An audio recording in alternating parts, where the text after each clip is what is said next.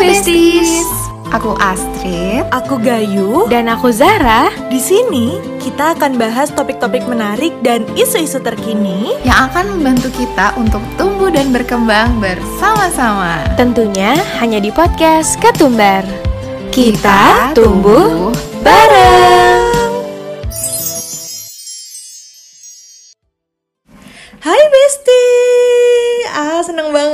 Ketemu lagi. Di mana lagi kalau bukan di podcast Ketumbar, kita tumbuh bareng.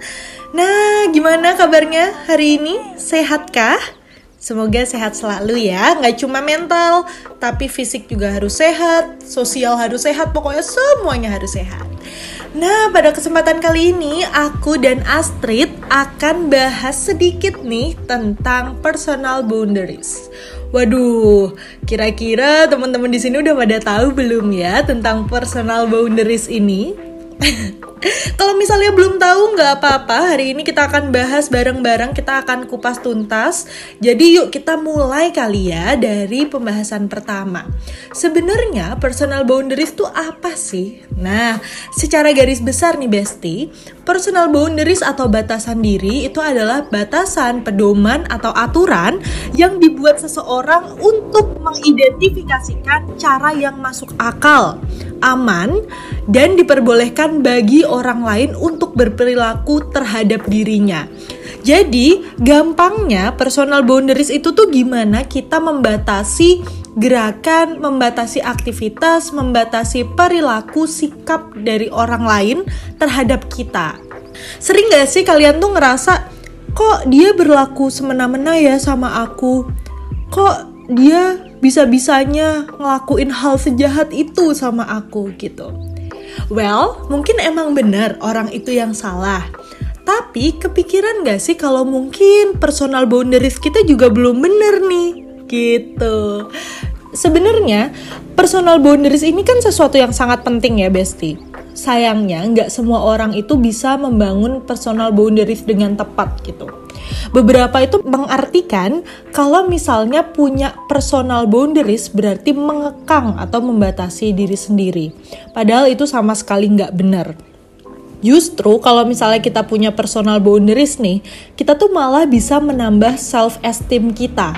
Kenapa? Karena kita tuh jadi tahu, oh aku tuh bisanya sejauh ini. Oh aku tuh terimanya sejauh ini. Aku mampunya itu merespon sejauh ini. Jadi kita akan lebih percaya diri, kita akan lebih sayang sama diri kita sendiri dan kita juga cenderung menghargai diri kita secara lebih gitu.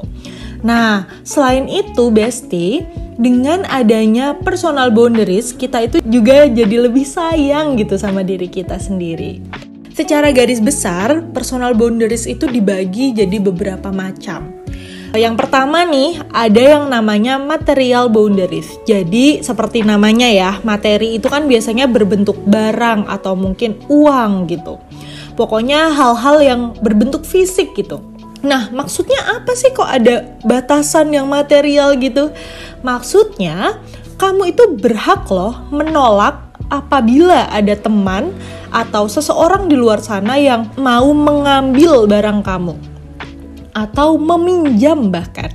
Kadang kamu terjebak nggak sih di perasaan "Eh, masa iya sih nggak dipinjemin, masa iya sih aku bilang enggak ke dia gitu.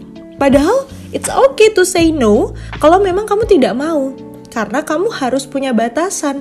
Kamu harus tahu kapan kamu nyaman untuk memberikan barang itu ataupun meminjamkan barang itu kepada orang lain gitu. Yang kedua ada yang namanya physical boundaries. Nah, physical boundaries ini nggak cuma tentang fisik kita aja, tapi juga termasuk ruang pribadi dan privasi dari tubuh kita gitu. Kadang ada orang tuh yang suka mepet-mepet banget sama kita, iya nggak Besti? Misalnya kita duduk nih, dipepet banget.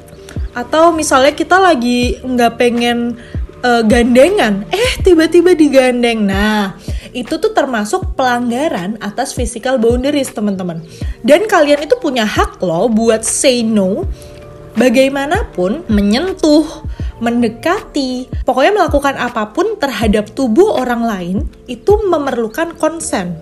Dan apabila kamu bestie-bestie di luar sana nggak pengen, kamu berhak untuk bilang no gitu. Yang ketiga ada mental boundaries. Jadi mental boundaries ini berkaitan dengan pikiran, nilai, dan pendapat pribadi kamu. Sering ya, misalnya kamu punya pendapat kayak gini nih, tiba-tiba ada orang di luar sana yang uh, pengen mengintervensi gitu rasanya. Pengen yang kayak enggak enggak kamu salah. Kamu harus mengubah penilaian kamu. Kamu harus mengubah pikiran kamu. Nah menurut Besti Besti itu melanggar mental boundaries nggak ya Yes, tentunya itu melanggar. Karena bagaimanapun kamu punya hak loh, Besti, buat mempertahankan apa yang kamu pikirkan, apa yang kamu anggap benar, apa yang kamu nilai sebagai sesuatu hal yang benar, dan pendapat pribadi kamu tentunya.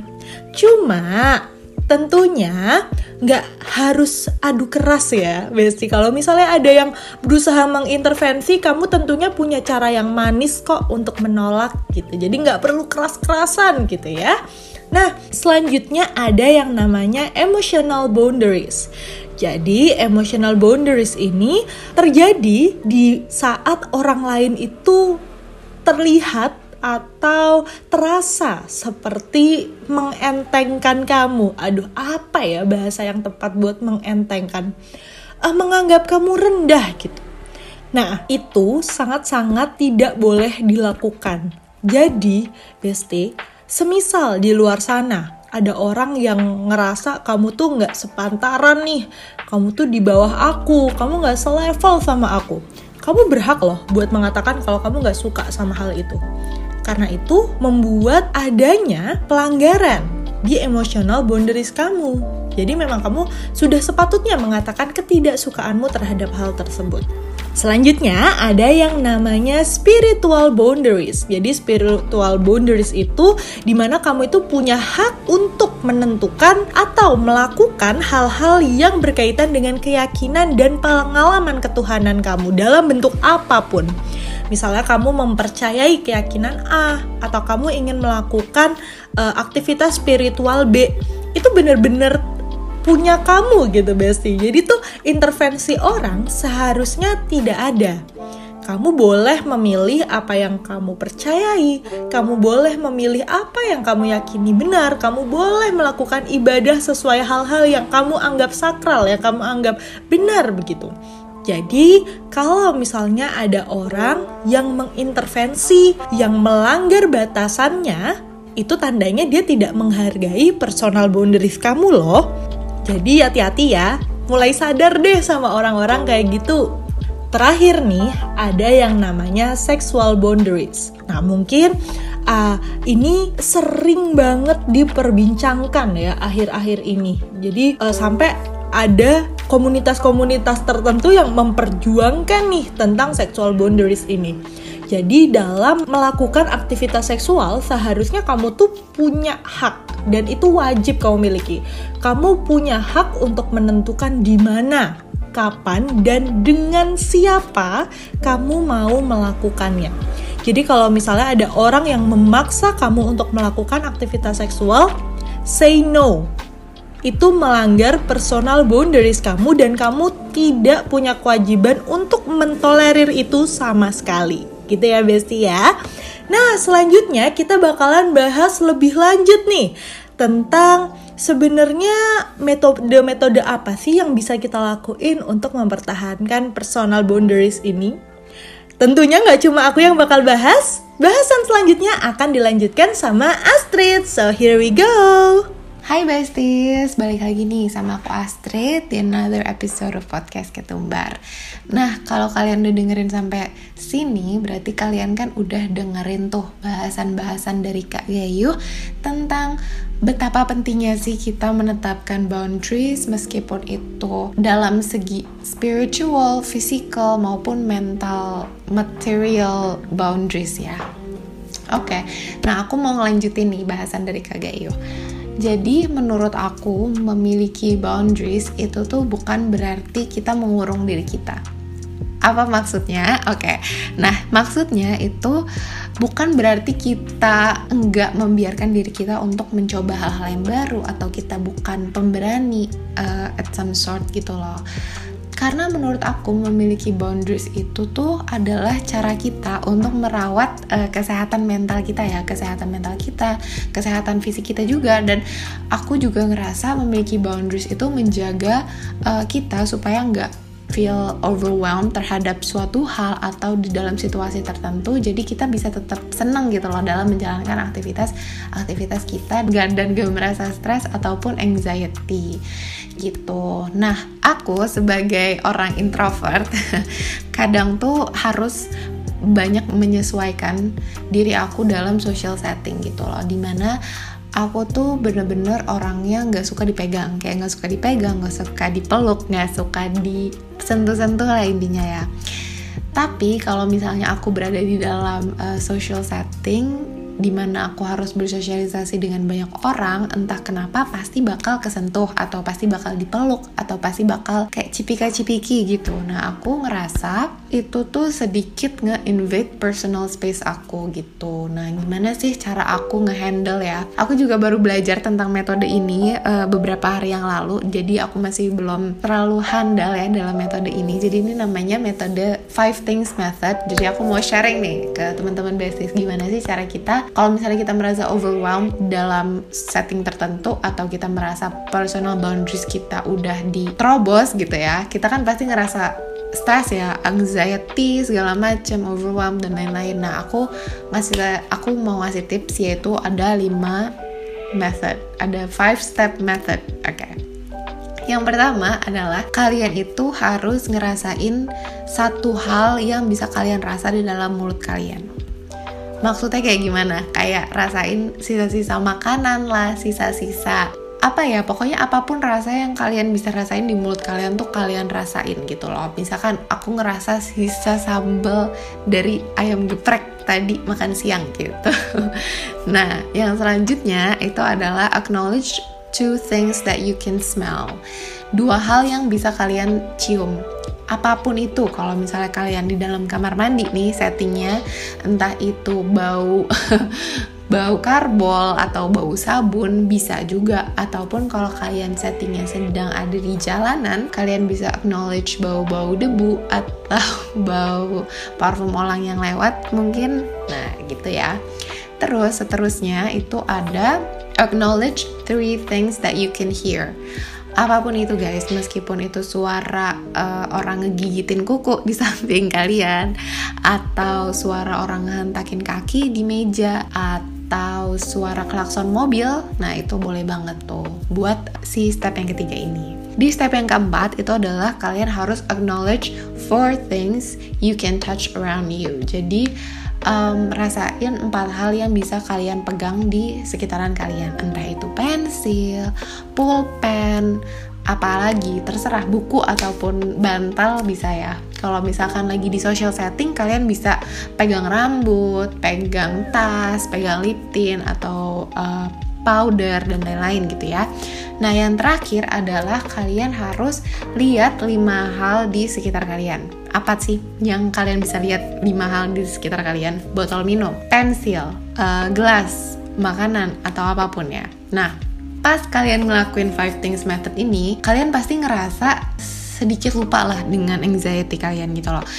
Aku rasa si 5 step ini uh, ngebantu kita tuh nge-step back dari apa ya take a deep breath gitu loh kayak kita tuh mundur sedikit dari rasa anxiety itu dan take our mind off the things that makes us anxious gitu loh. Misalnya kalau misalnya aku kerasa anxious banget nih banyak orang yang nyentuh-nyentuh aku banyak orang yang megang-megang aku kan pasti kepikiran terus ya.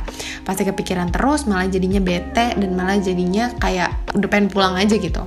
Nah kalau seandainya aku ngelakuin si lima hal ini kan aku bisa uh, take my mind off it gitu loh. Jadi kayak aku nggak mikirin itu terus. Nah jadi semoga aja si five things method ini bisa ngebantu teman-teman bestie supaya kalau misalnya nanti uh, ngerasa personal boundariesnya rada di tabrak atau ngerasa overwhelmed kalian bisa menggunakan five things method ini nah tapi balik lagi ya of course ke teman-teman besties gimana cara kalian menghandle uh, situasi-situasi itu Nah di sini aku sharing aja supaya uh, kan kita besties gitu loh. Kita harus sharing-sharing tips and tricks dalam semua hal dalam kehidupan. Tapi balik lagi ke teman-teman besties ya. Dan aku mau ngingetin lagi kalau punya boundaries itu it's not something to be ashamed of karena itu adalah suatu form of self love suatu bentuk perwujudan rasa cinta kita terhadap diri kita sendiri gitu. Jadi uh, untuk nge-conclude ya pembahasan kita pada hari ini adalah uh, setting up boundaries is very important karena untuk merawat diri kita sendiri, untuk merawat kesehatan mental kita supaya nggak cepet feeling drained or nggak cepet uh, exhausted gitu dan nggak cepet bete dalam social setting. Di mana kalau misalnya kita nggak uh, set up boundaries gitu kan dan kita nggak komunikatif ke orang-orang di sekitar kita kita bakal terus ngerasa bete nih dalam social setting contohnya kayak misalnya kalau uh, ada aku nggak suka kalau misalnya ketemu orang cipika-cipiki kalau kita nggak kasih tahu orangnya kan mungkin orangnya bisa offended atau kita juga continue ngerasa nggak nyaman gitu kan. Nah makanya setting up personal boundaries itu penting banget supaya kita bisa berani gitu untuk mengkomunikasikan perasaan-perasaan kita ke orang lain. Sudah sampai akhir pembincangan nih besties nggak kerasa ya Udah akhir aja, seru banget pembahasan pada hari ini. Dan semoga apa pun yang aku uh, berikan kepada teman-teman besties bisa diambil hal-hal yang positifnya aja ya Yang hal-hal negatifnya atau yang kurang dipercaya mungkin boleh dibuang aja Dan mungkin boleh diambil yang hal-hal baiknya aja okay, sudah sampai di penghujung acara nih kayaknya. Oh ya, aku nggak akan lupa ya, nggak akan lupa, nggak akan capek ngingetin teman-teman besties untuk tetap menjaga protokol kesehatan di mana pun kita berada. Sering cuci tangan, sering pakai masker, meskipun sekarang kayak um, COVID-nya udah mereda ya, alhamdulillah banget. Tapi kita tetap harus menjaga. Yuk kita sama-sama mengalahkan corona ini supaya kita bisa tetap, eh kita bisa cepet-cepet ketemu nih sama teman-teman besties. Oke, kita udah hadir di penghujung acara ini. Aku mau bilang terima kasih ke teman-teman besties yang udah nonton sampai akhir dan juga jangan lupa untuk nonton episode selanjutnya ya di Ketumbar. Tetap pantengin terus channel Ketumbar di Spotify dan Anchor setiap hari Kamis jam 8 malam. Oke, okay, see you at the next episode. Bye bye besties.